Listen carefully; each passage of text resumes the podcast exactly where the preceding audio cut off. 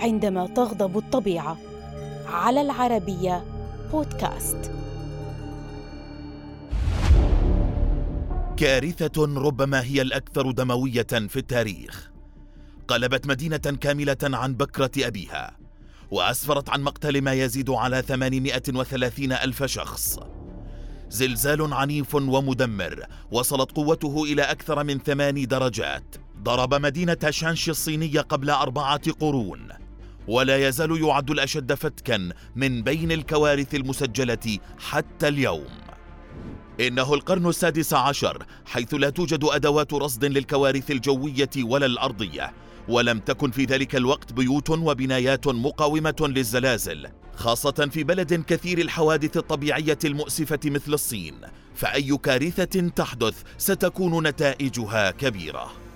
لكن لم يكن أهل منطقة شانشي يتخيلون أن زلزالا ما سيتسبب بإبادة أكثر من نصف هذه المدينة المكتظة التي كان يسكنها مليون ونصف المليون نسمة. في فترة لم يكن تعداد سكان العالم أجمع يتجاوز 600 مليون نسمة.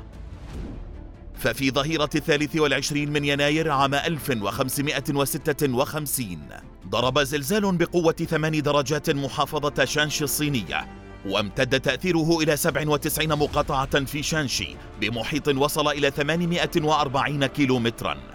وصاحب الزلزال انهيارات أرضية واهتزازات ارتدادية. واللحظات القليلة التي استمر بها الزلزال كانت كافية لتهدم الجبال وتساويها بالأرض. وفتح الزلزال شقوقا في الأرض وصل عمقها إلى عشرين مترا وغيرت مسار الأنهار. وتسببت في فيضانات هائلة. لم يسلم منها بشر ولا حجر. فحصيلة الخسائر لم تكن مسبوقة وما زالت محفورة في ذاكرة الصين والعالم. ففي سجلات الصين التاريخية ورد وصف لزلزال شانشي ذكر فيه.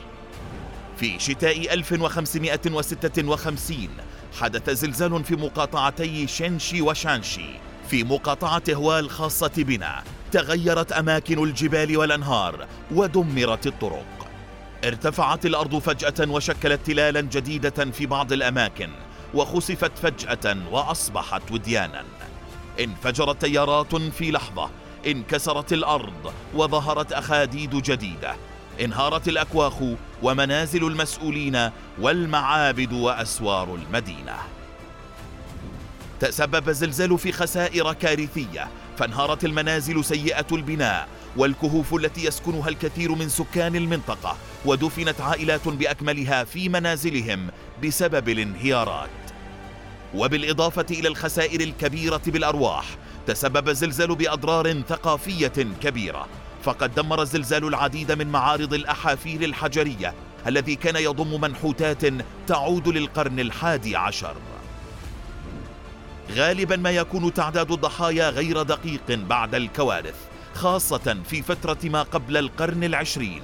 لكن زلزال شانشي لا يزال يعد الكارثة الأكثر دموية على الإطلاق.